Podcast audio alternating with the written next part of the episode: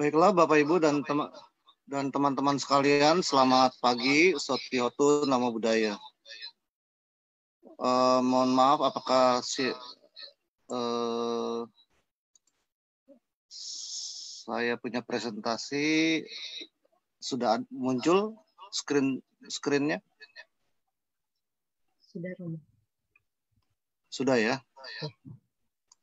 Oke. Okay. Uh, sebentar.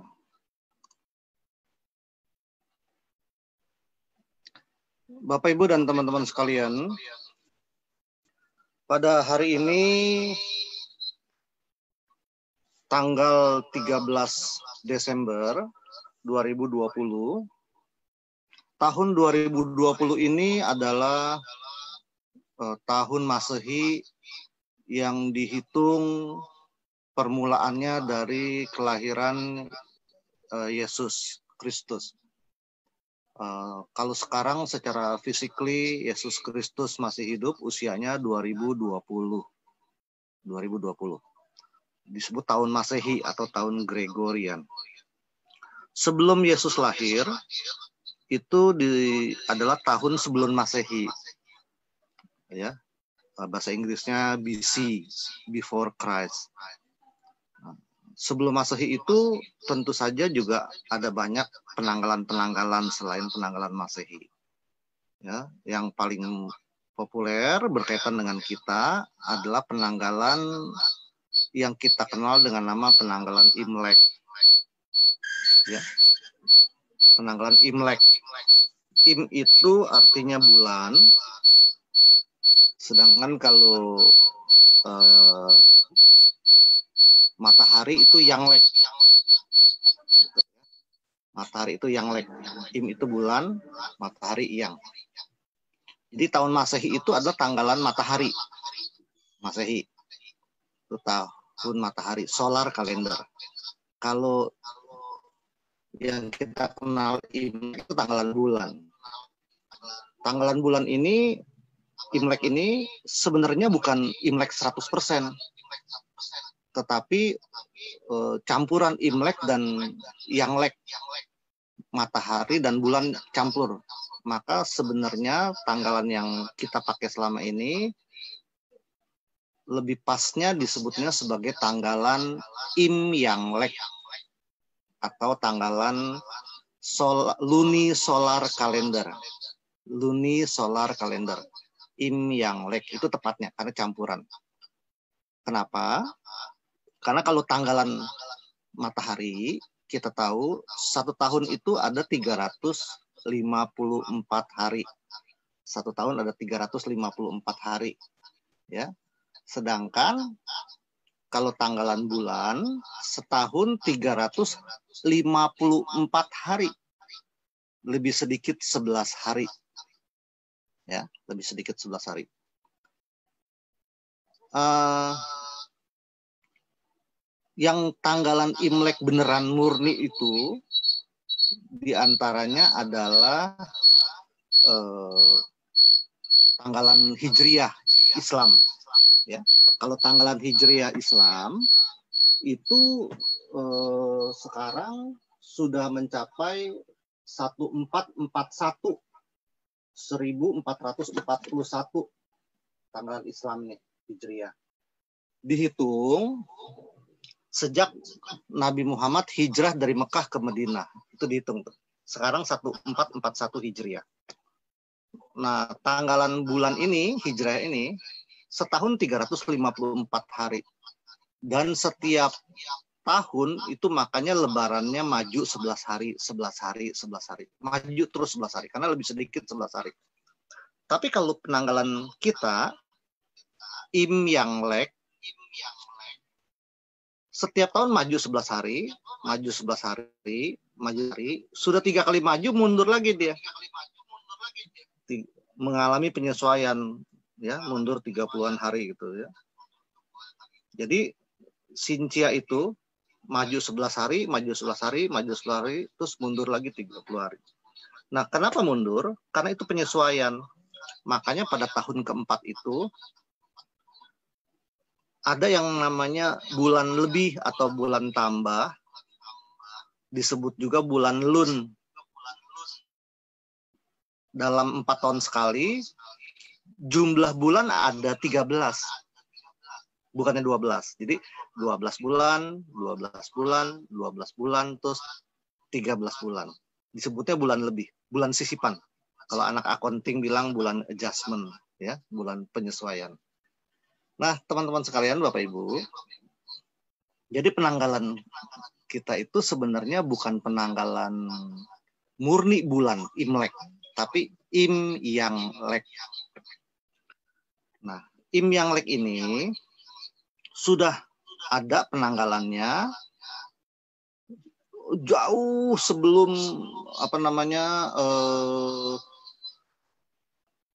sebelum masehi ya kalau dihitung sejak kalender ini diciptakan kurang lebihnya ya pada zaman dinasti Xia, Kaisar Fusi, itu sekarang angkanya 4718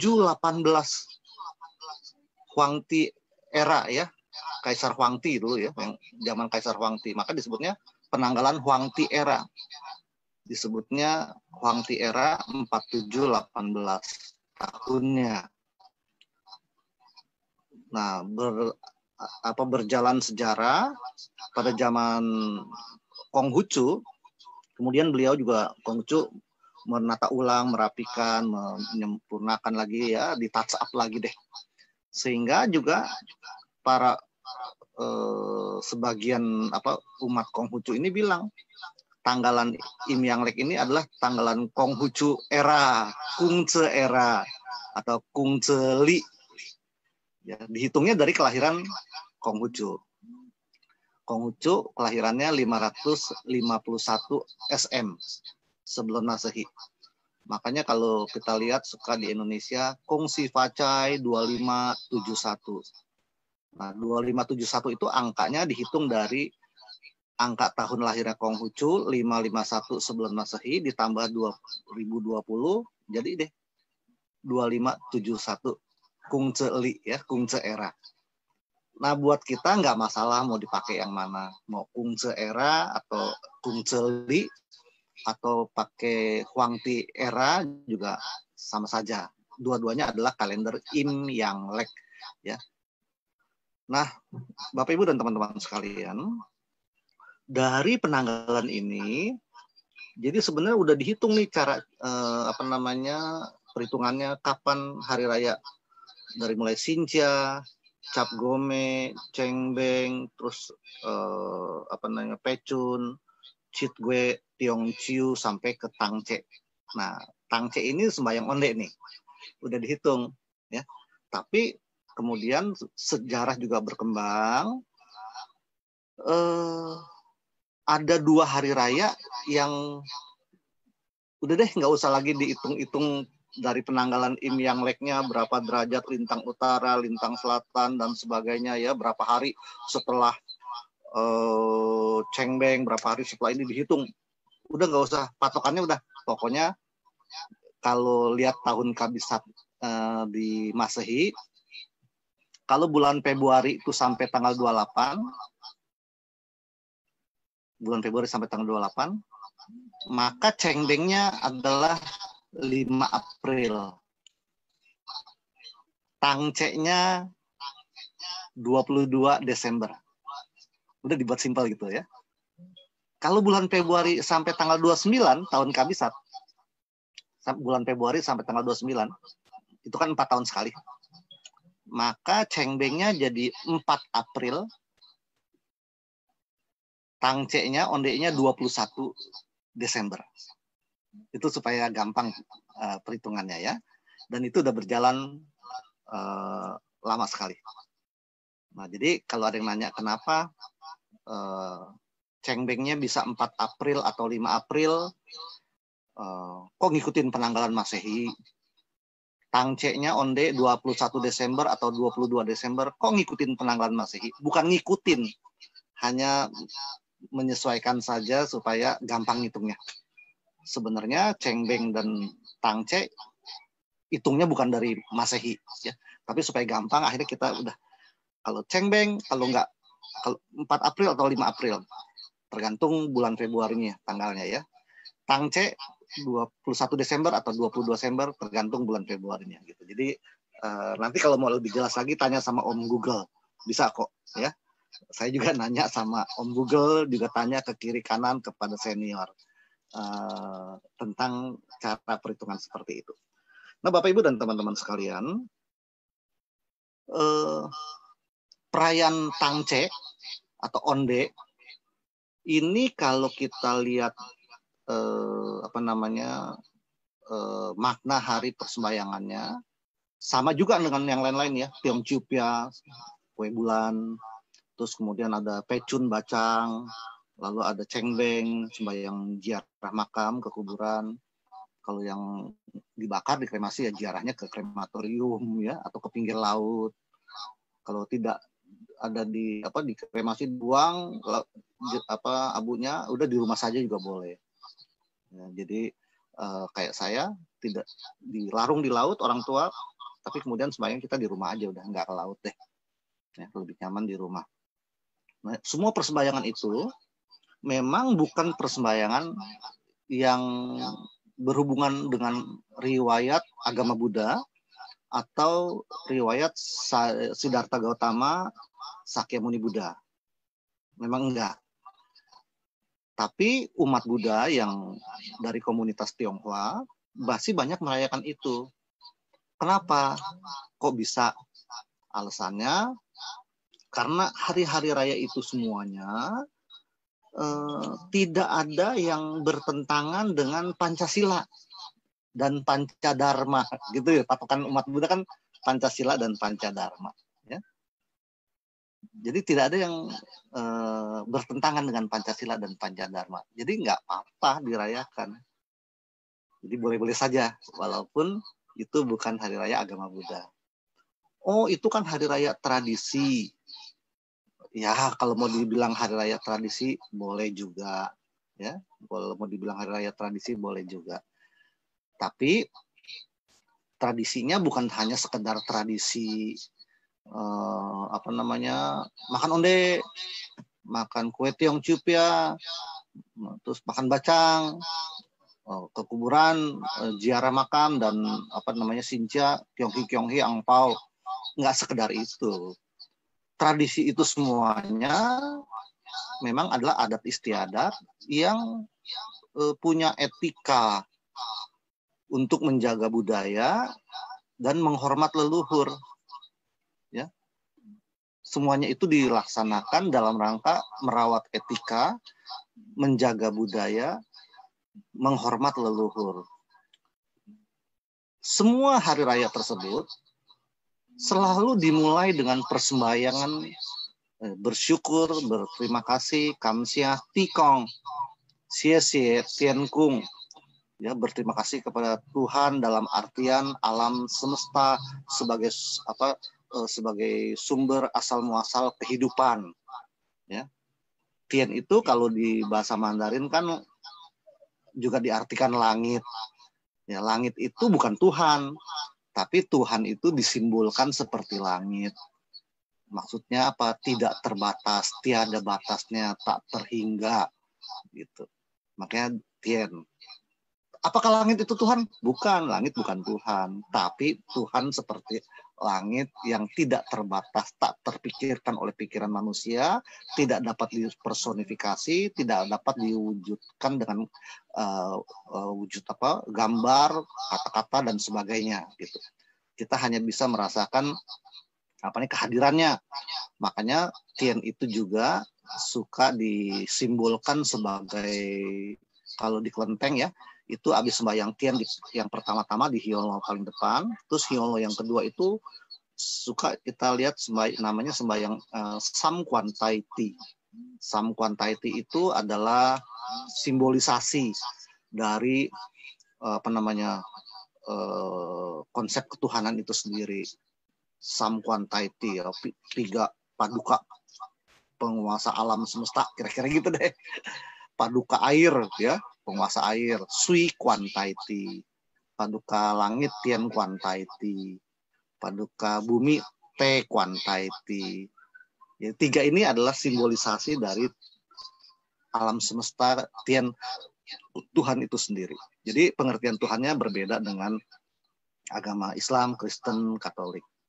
Tapi kalau dengan agama Buddha, pengertian Tian itu ya sebangun, serupa.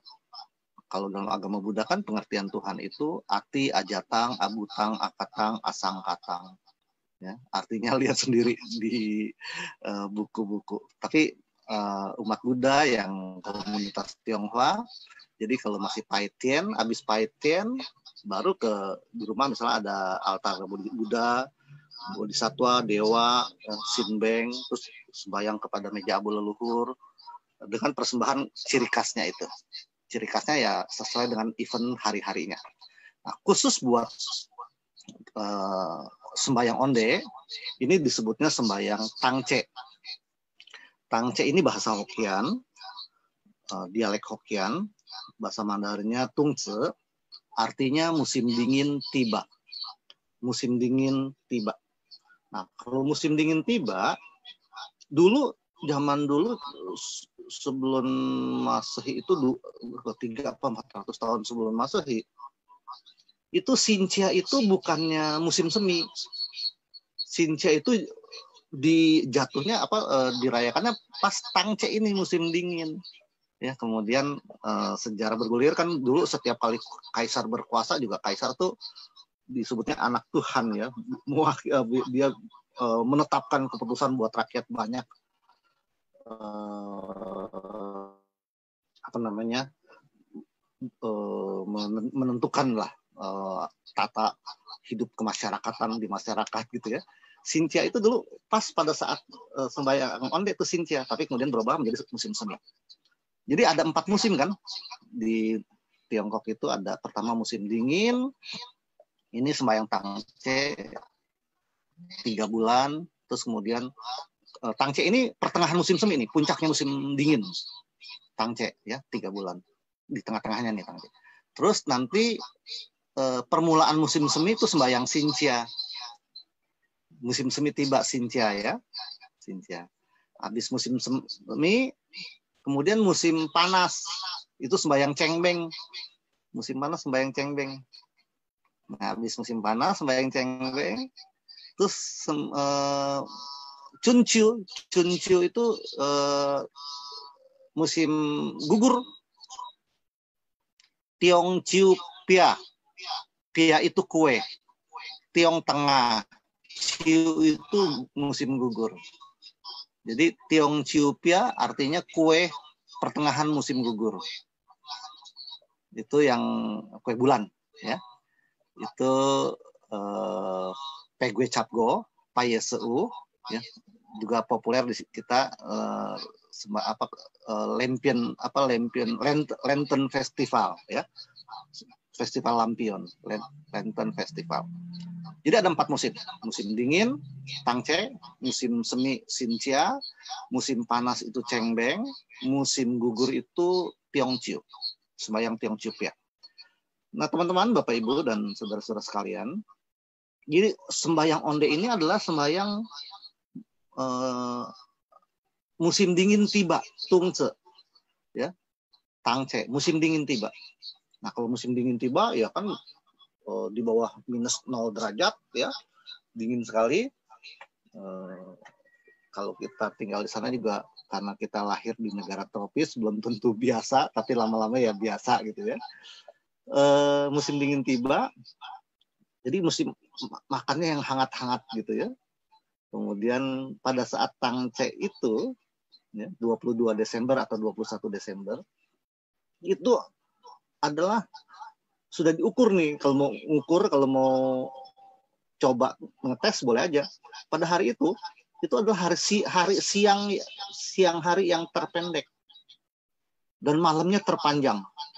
Kalau sehari ada 24 jam, kira-kira kita bagi dua, siangnya nggak sampai 12 jam, ya. Malamnya lebih dari 12 jam, kira-kira gitu.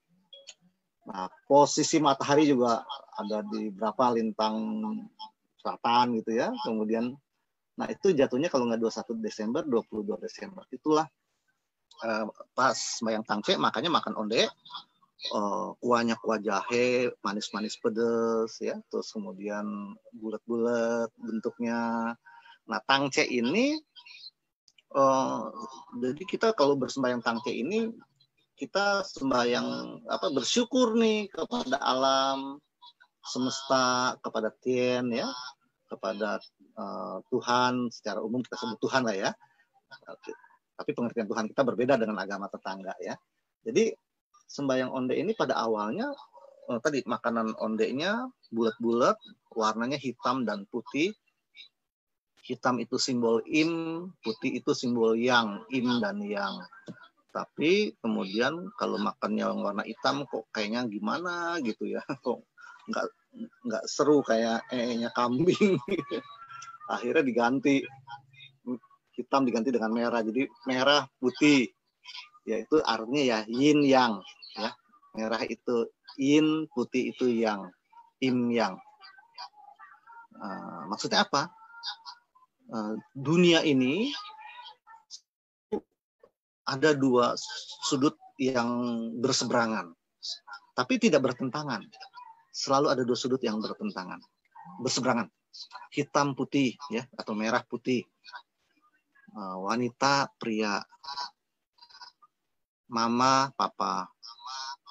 Dingin, panas, rendah, tinggi, lunak, keras, gitulah, bodoh, pandai, jelek, cantik, selalu ada dua.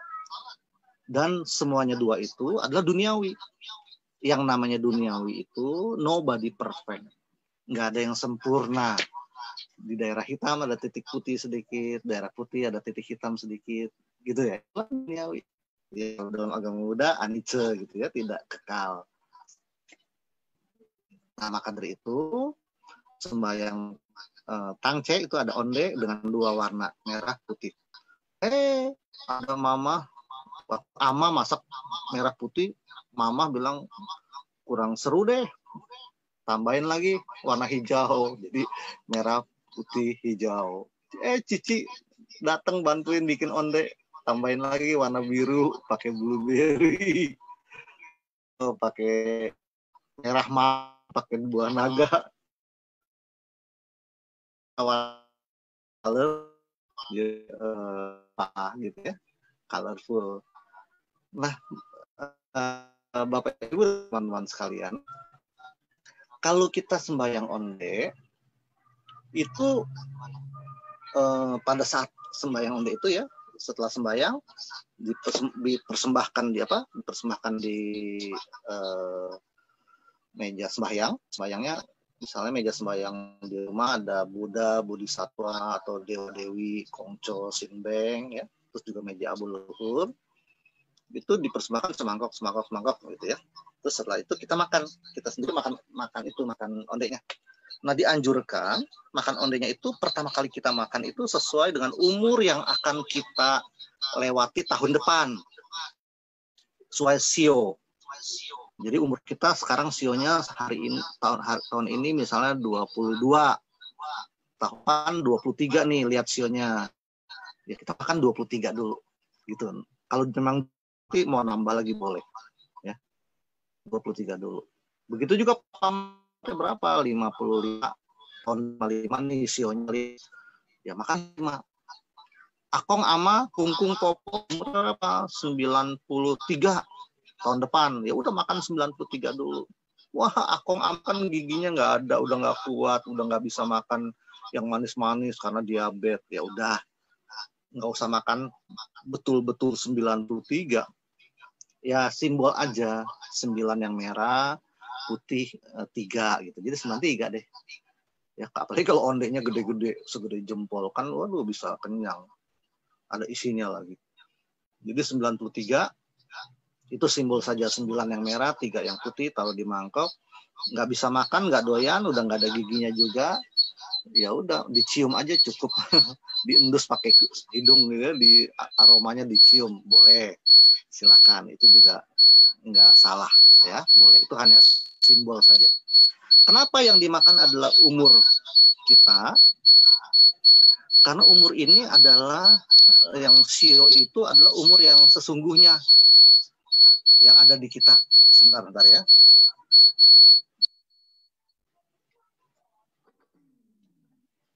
Jadi umur yang ada di Sio itu adalah umur kita yang sesungguhnya. Umur yang ada di Sio itu selalu lebih tua satu tahun, lebih banyak satu tahun. Kenapa? Karena kalau begitu lahir dapat umur satu, itu sebenarnya kita uh, filosofinya itu menghargai usia selama kita masih ada di dalam kandungan mama. Ya ibu. Ibu ini bukannya daging lebih nemplok tetelan nempel enggak. Tapi itu udah ada makhluknya ya sel telur ketemu dengan sperma dari pak dia dibuahi lalu makhluk kemudian itu udah ada kehidupan udah nyawanya udah jiwanya. Sampai berkembang 9 bulan 10 hari lah dapat umur satu makanya kalau selama dalam rahim ibu dalam kandungan mama mama yang sedang hamil ini eh, suasana hatinya harus tenang, tenang ya. Jangan dimarahin kalau tinggal di pondok mertua permai dimarahin nanti dia sedih. Nanti anaknya kalau lahir jadi manyun. Karena secara psikologi itu juga berpengaruh. Ada makanya orang-orang yang mau melahirkan itu dianjurkan buat baca parita, baca mantra, ya liamkeng, niancing uh, terus meditasi juga oke okay. kalau dengerin lagu-lagu lagu Beethoven lagu-lagu apa namanya uh, Mozart yang supaya apa kecerdasan secara psikologisnya terasah dah gitu ya agama lain sering jikir baca doa rosario itu memang pengaruh kepada kejiwaan mama dan pengaruh kepada kejiwaan baby yang dikandungnya. Nah, Bapak Ibu dan teman-teman sekalian, itulah sebabnya makan ondenya sesuai umur yang akan kita lalui nanti depan. Tapi kalau enggak apa enggak doyan ya udah dicium aja apa namanya aromanya ya gitu. Itu hanya simbol saja kok. Nah, Bapak Ibu dan teman-teman sekalian, jadi pada saat tangce ini si uh, sembahyang onde kita maknanya apa? Maknanya kita bersyukur kepada alam dan semesta, bersyukur kepada Tianpung, Tikong, ya musim dingin sudah tiba. Habis musim dingin, Sinja. Sinja itu baru, umur nambah. Kita bersyukur. Mudah-mudahan umur nambah ini kita kan tambah tua. Kalau tambah tua itu kan sebenarnya sisa jatah buat hidup umur kita berkurang. Kenapa kalau kita umur bertambah, itu sebenarnya usia kita berkurang. Karena setiap kita ini dilahirkan di keluarga siapa, papa mama siapa, ayah ibu siapa, ini sebenarnya umur kita nih udah ditentukan, lahirnya di mana, nanti meninggalnya udah ditentukan. Udah ada karmanya deh kalau dalam agama Buddha gitu. Kalau di uh, apa namanya di uh, apa namanya kepercayaan Tionghoa ini disebutnya uh, nama uh, umur kita itu sudah dicatat oleh Giam Loong, malaikat di apa akhirat yang uh, mencatat nyawa seseorang ini umurnya sampai berapa sampai berapa gitu ya sudah ada catatannya gitu. Nah, jadi setiap kita nambah tahun tambah umur ya berarti sisa umur kita masih makin sedikit. Sisa umur kita makin uh, habis. Nah, kita masih punya umur berapa? Kita bersyukur, berterima kasih. Semoga sisa umur yang kita lalui ini kita bisa manfaatkan untuk uh, menambah kebajikan agar supaya apa? Agar supaya nanti kalau kita uh, meninggal kita bisa terlahir lagi di alam yang lebih baik, gitu. Uh, kan kalau kita sembahyang leluhur biasanya di meja abu suka ada itu ya, ada persembahan samseng ya. Persembahan samseng tuh tiga daging, ada ayam, babi, uh, ikan, Oh itu kan panatipata tuh melanggar sila. Beli di Carrefour yang udah mateng itu nggak melanggar sila. Kalaupun misalnya mau memotong sendiri juga oke okay, pelanggaran sila. Tapi pelanggaran silanya kan tergantung niatnya. Niatnya kan kita buat berbakti, bersembahyang, mengingat budi baik jasa orang tua, leluhur, kemudian juga mengirimkan doa itu kebajikannya lebih banyak apa ya daripada keburukannya. tetap Pancasila kalau mau melanggar sila membunuh, iya membunuh. Ada ada. Baik kalau buruk ya buruk, gede apa kecil ya relatif kecil. Kenapa? Karena niat berbeda. Lain nun niatnya untuk menganiaya atau ber, sekedar bersenang-senang itu itu pas beda ya. Jadi eh, kalau nggak mau melanggar sila ya beli aja. Kalau saya beli itu daging babinya beli di kacamata, beli berapa kilo di kacamata. Udah, udah hauce kan daging kalau bandengnya bandeng matang duri lunak nah, kalau saya itu mbok mbok berek itu yang itu loh yang kremes kremesnya garing juga. Jadi masih mentah direbus eh, dimasak rasanya belum tentu enak. Kenapa? Kita kan bukan chef bukan tukang masak. Jadi kalau mau yang nggak melanggar sila beli aja daging jadi udah oke. Okay itu boleh. Tapi kalau ciaca gimana? Ya udah kalau ciaca nggak kayak persembahannya pak ciaca ya jadi masa maksa nah teman-teman bapak ibu dan saudara-saudara sekalian jadi kita bersyukur dan semesta bersyukur karena ada apa namanya ini kita uncia habis uncia umur kita tambah dan semoga kita bisa tetap banyak tambah kebajikan supaya nanti kita cuci lahir lagi di alam yang lebih baik. Sembayang meja abu itu dengan persembahan samseng itu bisa diartikan sebagai simbol tiga alam kehidupan. Alam kehidupan atas itu ayam, sebenarnya burung tuh, tapi karena burung nangkepnya susah jadi diganti sama ayam. Ya, itu alam atas ya. Kalau alam bawah eh, rata itu disimbolkan dengan darat eh, babi kalau alam rendah ikan gitu disimbolkannya begitu. Jadi tiga alam, alam atas, alam tengah, alam rendah. Kalau banyak yang tidak baik, ya lari bawah ya, alam rendah. Kalau yang standar-standar aja ya manusia lah kita. Kalau yang baik banyak kebaikannya, banyak kuntenya, nanti ke di alam yang atas jadi dewa, jadi sian ya. Jadi uh, apa dewa dewi gitu kira-kira gitu. Itu uh, makna filosofis. Persembahan persembahan yang lain di meja sembahyang ya kalau memang tangke persembahannya onde. Kalau tiong ciup ya sembahyangnya ya tiong ciup. Tiong ciupnya kue bulan. Kalau sembahyang bacang ya persembahannya bacang. Kalau yang lain-lain persembayangannya ya uh, sesuai dengan kemampuan keluarga. Boleh buah boleh kue boleh apa ya silahkan nah bapak ibu dan teman-teman sekalian Tangcek besok ini uh, jatuh tanggal 22 Desember. Ya, 22 Desember. Sebenarnya 22 Desember ini Tangcek ya, ini sudah sudah masuk ke dalam rangkaian sembahyang Sincia. Ini sudah sembahyang Sincia sebenarnya. Ya, kalau Tangce ini. Habis sembahyang Sincia, Tangce pertama kali sembahyang Sinca. Terus sembahyang Sinca yang kedua adalah pas uh, sembahyang seminggu sebelum Sinca, sembahyang namanya tepekong naik, caukun kong naik, sembahyang tepekong dapur naik. Jadi kalau seminggu sebelum Sinca itu sembahyang tepekong naik, tepekong yang naik itu bukannya semua tepekong, nggak hanya tepekong dapur doang. Tepekong tanah, uh, tecukong nggak naik atau tuti paku nggak naik. Tepekong pohon kayu ya tepekong kayu lu pankong nggak naik. Ada lagi tepekong air tepekong macam-macam ya. Padi tepekong padi ngokok ong namanya ya. Ngokok lima biji bian. Nggak naik.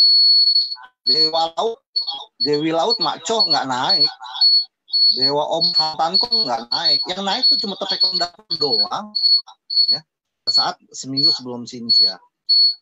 So, kemudian sembahyang Sincia. Setelah itu hari keempat Sincia sembahyang tepekong dapur turun. Terus hari ketujuh sembahyang makan dingin ya.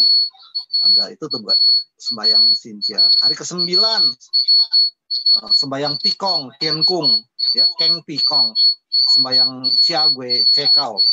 Itu juga sembahyang Sincia.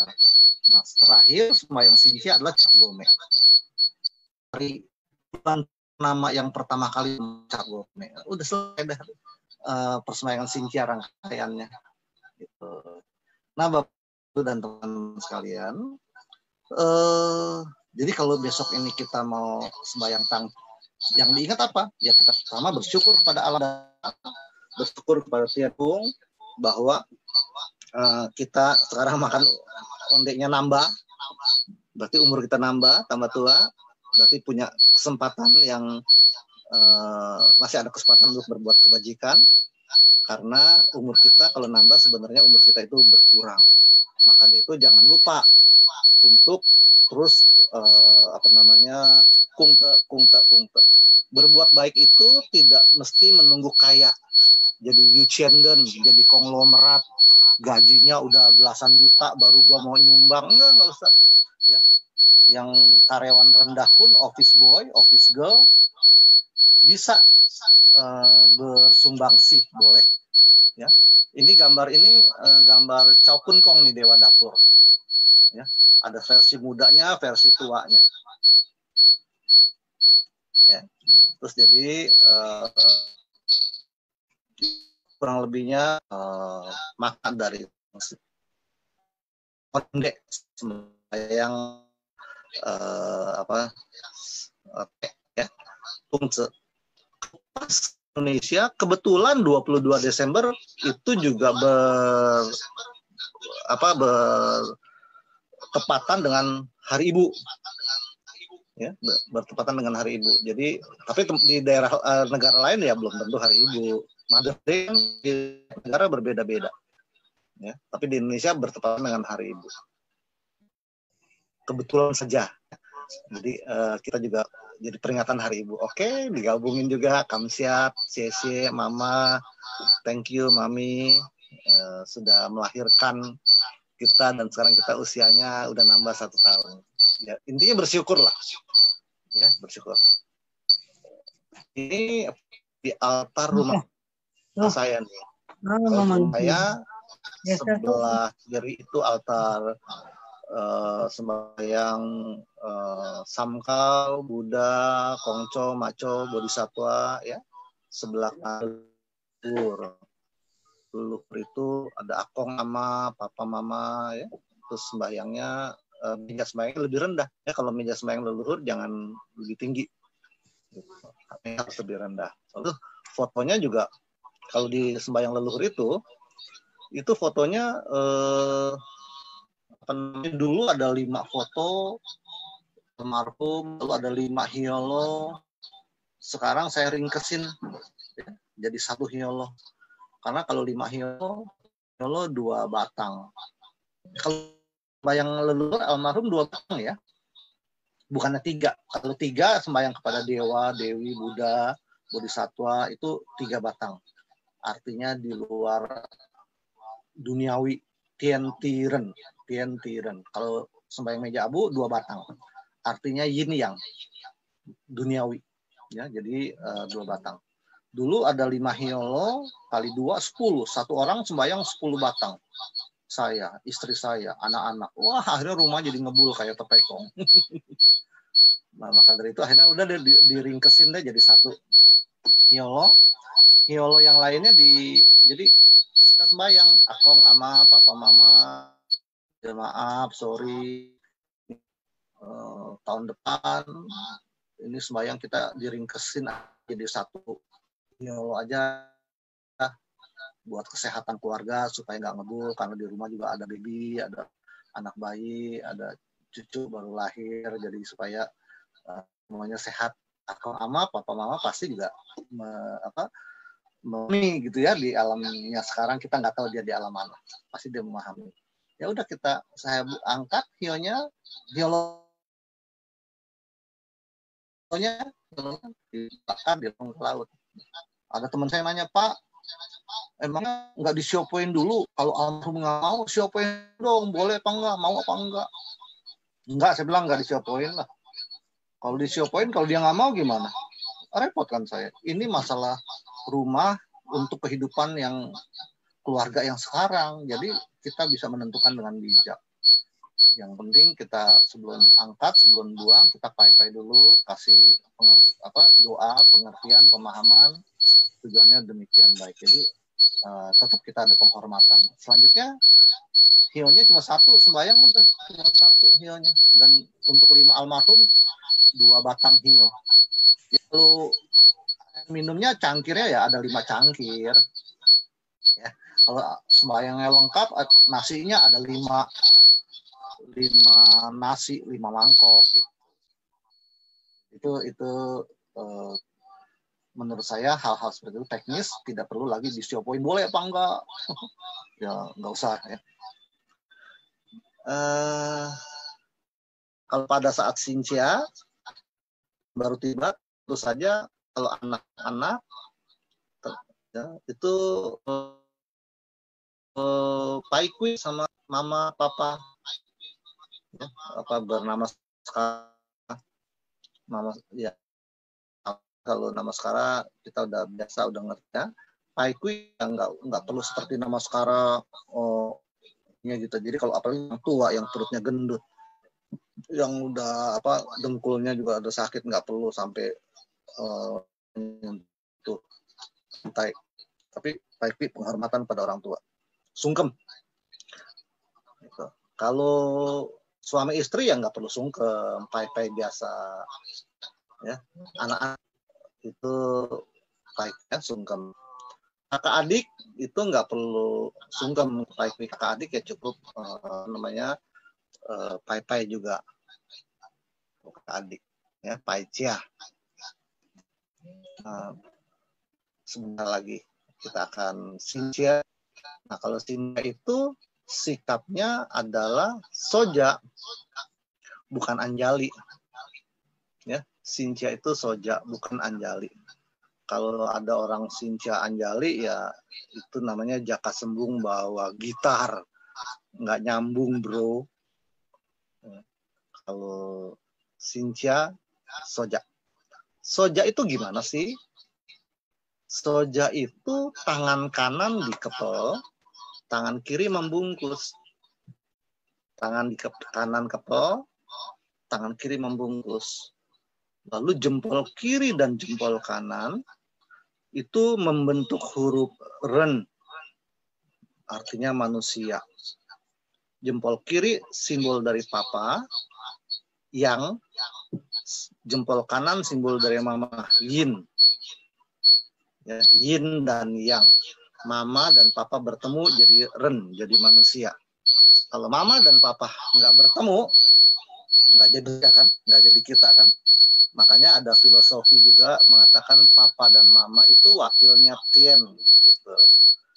Lu sembayang ke mana-mana, oh, sekarang sama di mana-mana, tapi kemudian tidak paikwi, tidak menghormati papa mama, ya percuma jadi papa mama itu ibaratnya itu adalah dewa yang paling dekat dengan kita. Budi yang paling dekat dengan kita, kira-kira gitu ya. Nah, Bapak Ibu dan teman-teman sekalian, semoga penjelasan pada pagi hari ini bisa sedikit tambah wawasan, tambah pengetahuan, dan kita bisa menyambut besok sembahyang tangce dengan uh, gembira, dengan senang, Eh, Pak kalau di rumah nggak punya altar dewa dewi, nggak punya altar leluhur yang meninggal gimana?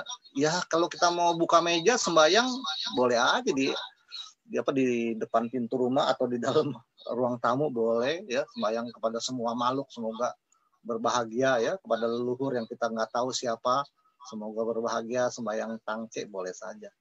Ya. Di depan nggak ada hiolo buat tikong, ya udah taruh aja di pot kembang hionya kalau mau sembahyang boleh gitu ya jadi eh, biasanya meja sembahyang leluhur itu adanya di rumah kokoh papa yang paling tua.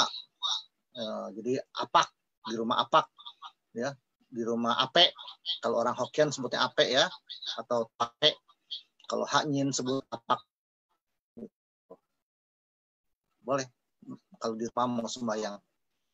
Kalau biasanya kalau mau sembahyang ke rumah yang lebih tua juga bagus. Kan karena kumpul di rumah. Yang lebih Kalau saudara mama yang tua AI biasanya enggak abu karena AI kan udah menikah dia ikut keluarga suaminya. Jadi mengurus meja abu suaminya. Jadi eh, udah lepas begitu kewajiban dari eh, sembahyang di keluarga lelaki. Nah baiklah bapak ibu dan teman-teman sekalian demikian dapat sampaikan pada pagi ini. Bisa bermanfaat juga mendapatkan uh, sedikit uh, apa namanya wawasan ya kalau mau lengkap lagi ya cari deh bukunya toko buku ya ada tanya sama om juga bisa ya ya modalnya cuma HP uh, googling dan kota kotaknya cukup ya. demikianlah Semoga semuanya berbahagia. Selamat pagi. Sopi Hotu, Budaya. Namo Budaya. Terima kasih Romo atas nama Uh, bagi Bapak Ibu dan teman-teman yang mau bertanya secara langsung, bisa langsung bertanya.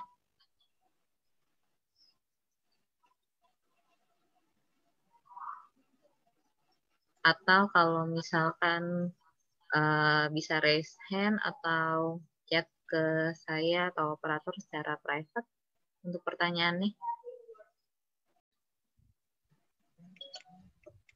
Romo ini ada pertanyaan dari Ibu ya. Tini. Selamat pagi Romo, mau tanya kalau Chunbeng, kuburan orang Cenbeng ya, ke kuburan orang tua di kota yang berbeda, apakah sebaiknya pulang kampung atau bisa mendoakan dari mana saja? Uh, ya, terima kasih Ibu Tini. Kalau cengbeng itu kan secara harafiah artinya adalah bersih dan terang. Atau cingming, bersih dan.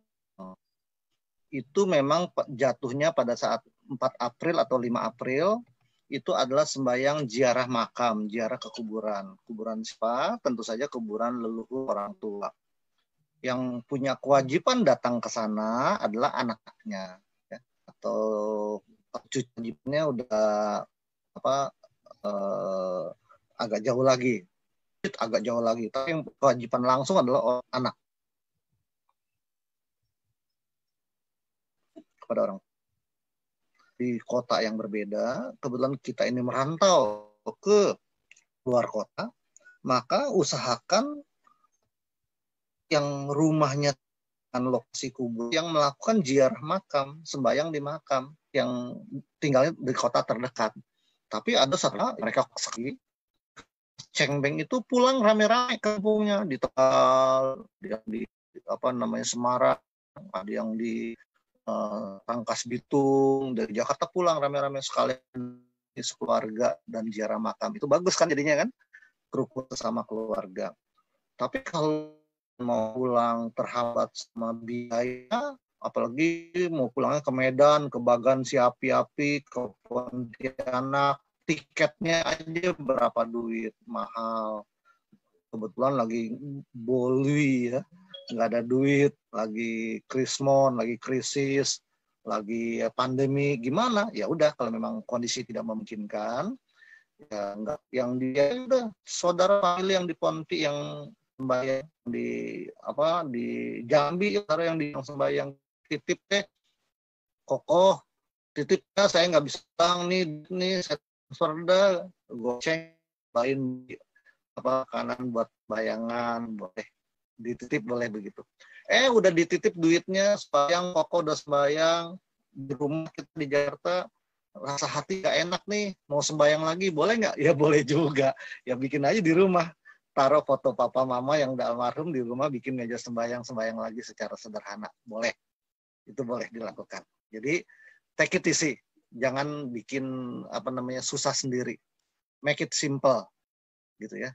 Kalau boleh sembahyang ke apa datang kalau sempat bagus ya. Kalau ada rezekinya ada duitnya dan waktunya juga panjang. Tapi kalau oh, kita lagi ada kerjaan, ada tugas dan juga kemudian nggak sempet, apalagi kemudian anak lagi sakit, lu mau pergi juga lu pulang kampung ke Bengkulu, bisa buang duit, buang waktu dan sebagainya. Apalagi lagi pandemik begini, udah dah, nggak usah deh.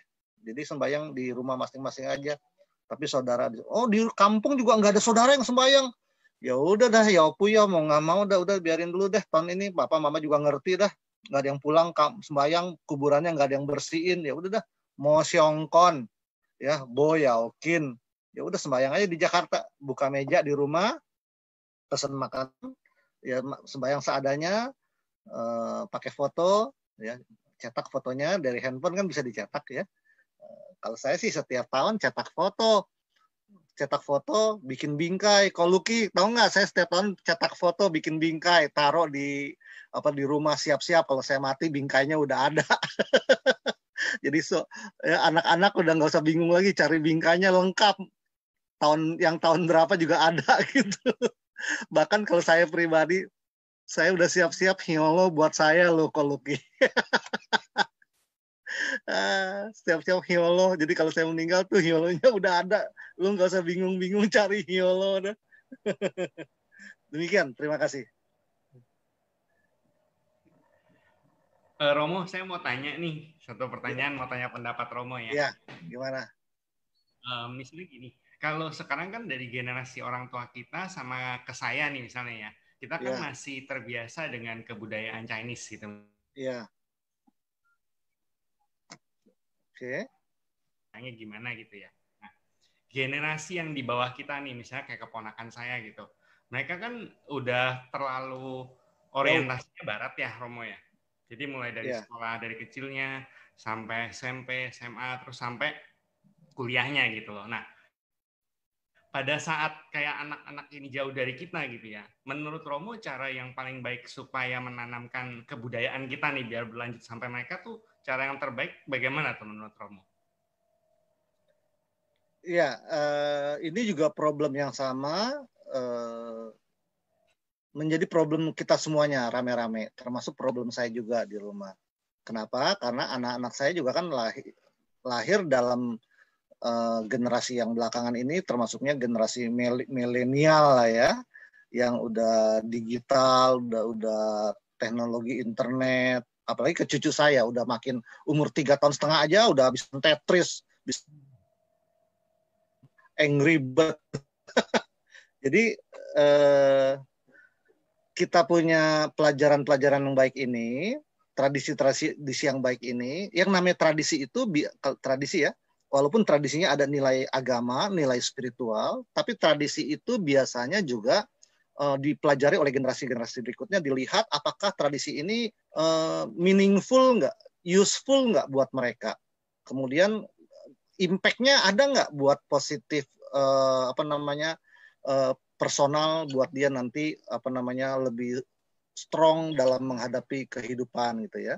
Maka dari itu kalau saya sih saya kasih sampel ya learning by doing uh, directly sampel. Saya nggak pernah nyuruh anak-anak sembayang di meja abu, tapi saya sendiri sembayang uh, pagi sore kayak icap go.